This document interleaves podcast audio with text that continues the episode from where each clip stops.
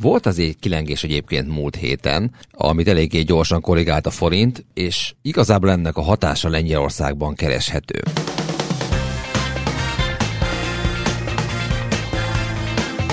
Nagyon ketté szakadt állapotba került az amerikai piac.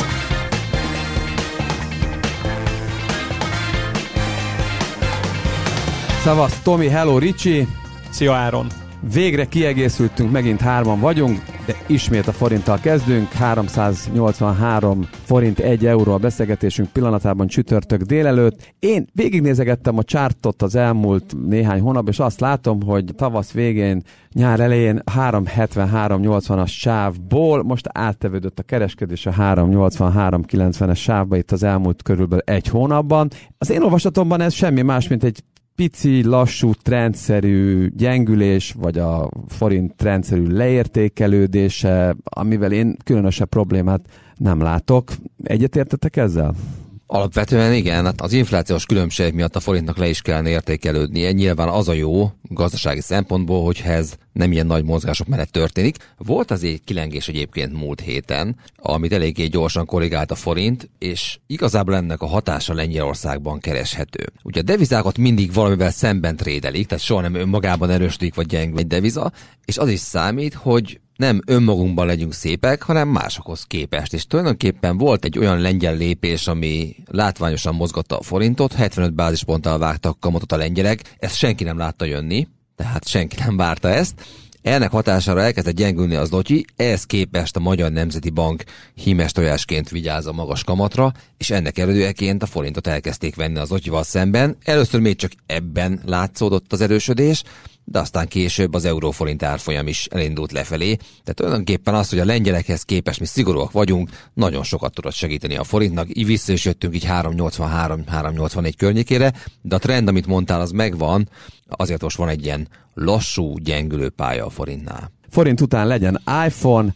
Mi történik Kínában az iPhone-nal? Szeretik az emberek, de a kínai kormány úgy gondolta, hogy érdemes válaszolni az amerikai szankciókra. Egyre több van ilyenből ugyanis, és hát nyilván azért szankciót nem szoktunk válasz nélkül hagyni, ezért aztán úgy tűnik, hogy biztonsági problémákat találtak az iPhone-nál, emiatt állami szerveknél és állami cégeknél nem nagyon szeretik hogyha iPhone-t használnak az emberek. Nincs hivatalos meghirdetett tiltás, de van egy ilyen félig szoft, félig hard ilyen. Szóval megkérték az embereket, hogy ne használjanak iPhone-t, és hát nyilván, hogyha Kínában megkér valamire egy hatóság, akkor azt általában szokták teljesíteni. Úgyhogy itt azért az iPhone növekedési sztoria sérülhet, és tulajdonképpen a, a charton is látszott ez, volt egy ilyen kétnapos heves beleadás a papírba, vannak olyan részvények, amelyek ezzel szemben relatív erőt mutatnak, mondjuk egy Amazon, de majd is lehet, hogy beszél erről, de az Apple-nél úgy tűnik, hogy azért ez a hír egy törést hozott a papír lendületében, és ugye nem csak ez, hanem volt egy iPhone bemutató is kedden, és nagy meglepetésre igazából nem emelt árat a cég. Tehát a fogyasztók úgy tűnik, hogy nem bírják el az áremelést a termékeknél.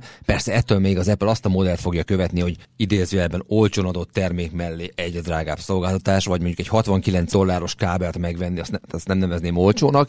Tehát az Apple is próbál átmenni ebben a modellbe, hogy egy olcsó beltető termék mellé sok drága kiegészítő, de ezzel együtt is az Apple kapott egy törést. Számomra egyébként egy kicsit visszautalva az a csoda, hogy 2023. szeptemberig, a 18 végétől 5 év eltelt az amerikai-kínai kereskedelmi háborúskodásba, és az apple még egy nyom nem volt semmilyen szinten. Pedig ugye nagyon adja magát a dolog, ugye nyáron 3000 milliárd dollár fölé ment az Apple-nek a piaci kapitalizációja, ami még mindig ilyen 2750-2800 milliárd dollár, és a teljes kínai devizatartalék értéke 3200 milliárd dollár. Tehát tulajdonképpen adja magát az, hogy egy magáncéget, aki amerikai mezben versenyez, de tajvani, kínai, ír, mindenféle optimalizálást kihasznál a világban, támadhatóvá vált. Tehát ez egy vadonatúj jelzés. Nem csoda, hogy Elon Musk is igyekszik jelen Igen. pillanatban Igen, ö, például... teperni egy kicsit a kínai vezetés felé. Igen, Musk két nappal ezelőtt egy rádió interjúban kijelentette, hogy Tajvan Kína része, és ez most csak egy ilyen átmeneti állapot, hogy véletlenül nem teljesen ott van. Nyilván a Tajvanek ezen teljesen kibuktak. Ugye Musknak vannak ilyen vitás, ugye ez a Krimnél a Starlink lekapcsolása, ez is egy érdekes történet, de talán nem menjünk ilyen messzire. Viszont ami érdekes szerintem, hogy a Tesla árfolyam egy óriási beszükülésből kipattan felfelé, és hát ennek volt egy, egy mozgatórugója, egy Morgan Stanley elemzés 400 dolláros célára AI Story mentén, amiben pont az a szép, hogy ezt a következő három hónapban nem lehet számon kérni, hogy teljesültek a tervek, vagy nem, mert ez egy sokkal hosszabb történet. Tehát a Tesla például éppen kapott egy növekedési sztorit, és azért érdekes ez, mert a Tesla számára még fontosabb Kína, mint mondjuk az Apple számára. És gyakorlatilag az is megfigyelhető ezáltal, hogy ilyen, ilyen nagyon ketté szakadt állapotba került az amerikai piac. Tehát ritkán láthatóan az a helyzet. Egy kicsit átváltott az első fél évnek az, hogy óriási nezdek felül teljesítéssel, de azért inkább emelkedőben volt nagyon sok részvény, és a részvények többsége.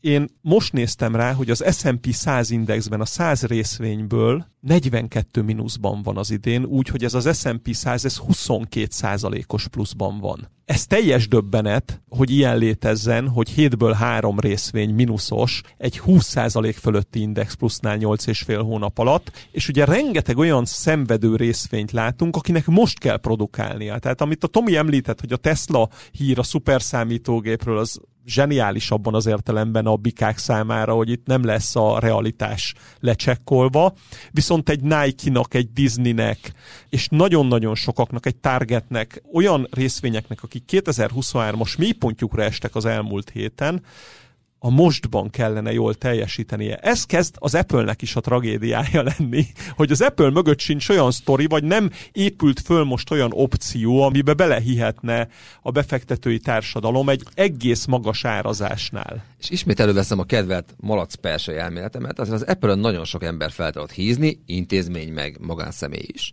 És egy nagyon jó idézőben malac persej annak finanszírozására, hogy más papírokat vegyenek. Tehát simán tudom képzelni, hogy a Tesla longokat, az Amazon longokat adott esetben egy Apple eladással finanszírozzák. De a pénz nem akar kimenni a piacról, úgy tűnik, inkább így próbál áthelyezni súlypontokat, hangsúlyokat. Azokban a cégekben, amiket te mondtál, Ricsi, az előbb, azokban egyébként az október, november, december egy fontos időszak.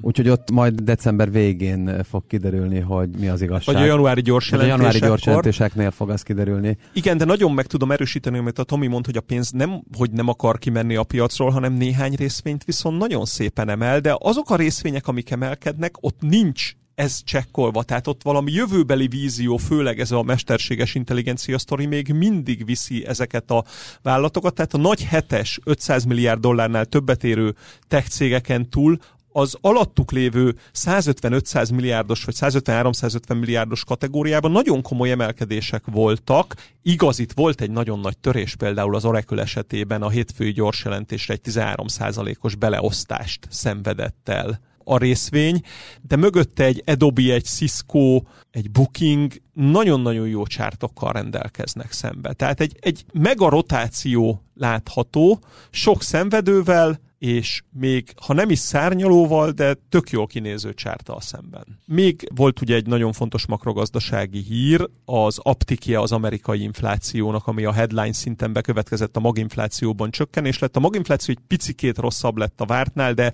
alapvetően nem jött sokkoló adat az Egyesült Államokból, ugye itt a szerdai szeptember 13-i adatközléssel. Gyakorlatilag a jövő szerdai fedülést várja a piac, de új impulzushoz semmilyen szinten nem jutott hozzá innen. Na most a végén még akkor egy témát beszélünk meg. A amerikai-kínai kereskedelmi háborúról régóta beszélünk, de Európa egy picit eddig más szerepet játszott, nyilván Amerikához van definíciószerűen közel, de azért próbált egy picit Európa-Kína fele is játszani, viszont most, mintha ebben is lenne egy, egy komoly változás. Hát igen, eljött az autóipari háborúnak az ideje, mégpedig azért, mert a kínai gyártók úgy tűnik, hogy egy nagyon komoly offenzívát kezdenek indítani Európában és ez kiverte a biztosítékot, és jön majd a dömpingár ellenes vizsgálat, a tiltott állami támogatások vizsgálata, ami persze Kínában nem tiltott. Egyébként nagyon érdekes, hogy ez egy olyan háború lesz, ha ezt komolyan veszik a felek, amelyben mindenki sebeket fog kapni, és a végén egy nettó negatív lesz az eredmény a szereplők számára, de az biztos, hogy nagyon komoly érdekek feszülnek szembe egymással. Gyakorlatilag a kínai gyártók európai térnyerése az, az egy jövőbeni sztori, amelynek a csíráit már most látjuk. Jelen pillanatban a legnagyobb autóexportőr Kínába a Tesla, és mondjuk a BMW is egy komoly szereplő a Kínában gyártott EV-kkel, Tehát igazából a kínai márkáknak a mostani piaci részesedése az, az nem jelentős, de látszik az, hogy ez mondjuk jövőre megváltozhatna. Érdekesség azért, hogy az Európában forgalmazott kínai modellek egyáltalán nem olcsók még, tehát a kínai árszint az mondjuk ilyen fele az európainak, ez semmilyen vám meg áfa nem indokolja. Ráadásul a német gyár, mondjuk a Volkswagennek óriási problémái lehetnek abból, ha a kínai piacot teljesen le kell húznia, már pedig szerintem, hogyha ez a háború eldurvul, akkor a Volkswagennek nem sok babért fognak osztani, ha lehet ezt mondani. Úgyhogy egy nagyon-nagyon csúnya kimenetelő sztori is lehet, és akkor nem beszéltünk arról, hogy mi lenne, hogyha mondjuk a tajvani konfliktus élesedne. Az európai csártokon ez látszik, szóval érdemes megnézni egy Volkswagennek a grafikonját, de általában az európai autóipar is nagyon szenved, még a tavaszi erőt követően. Általában van egy európai gazdasági fékezés, és egy vártnál nagyobb infláció, szóval van egy ilyen stagfláció közeli állapot Európában, amit igazából megint csak senki nem látott jönni, ez egy új dolog. Nehéz a döntéshozók helyzet egy ilyen, egy ilyen makrogazdasági változás mentén. Jó, hát akkor mostantól ezt is nagyítóval fogjuk figyelni, mint annyi minden mást. Ricsi, Tomi, nagyon szépen köszönöm. Jövő péntek reggel innen folytatjuk.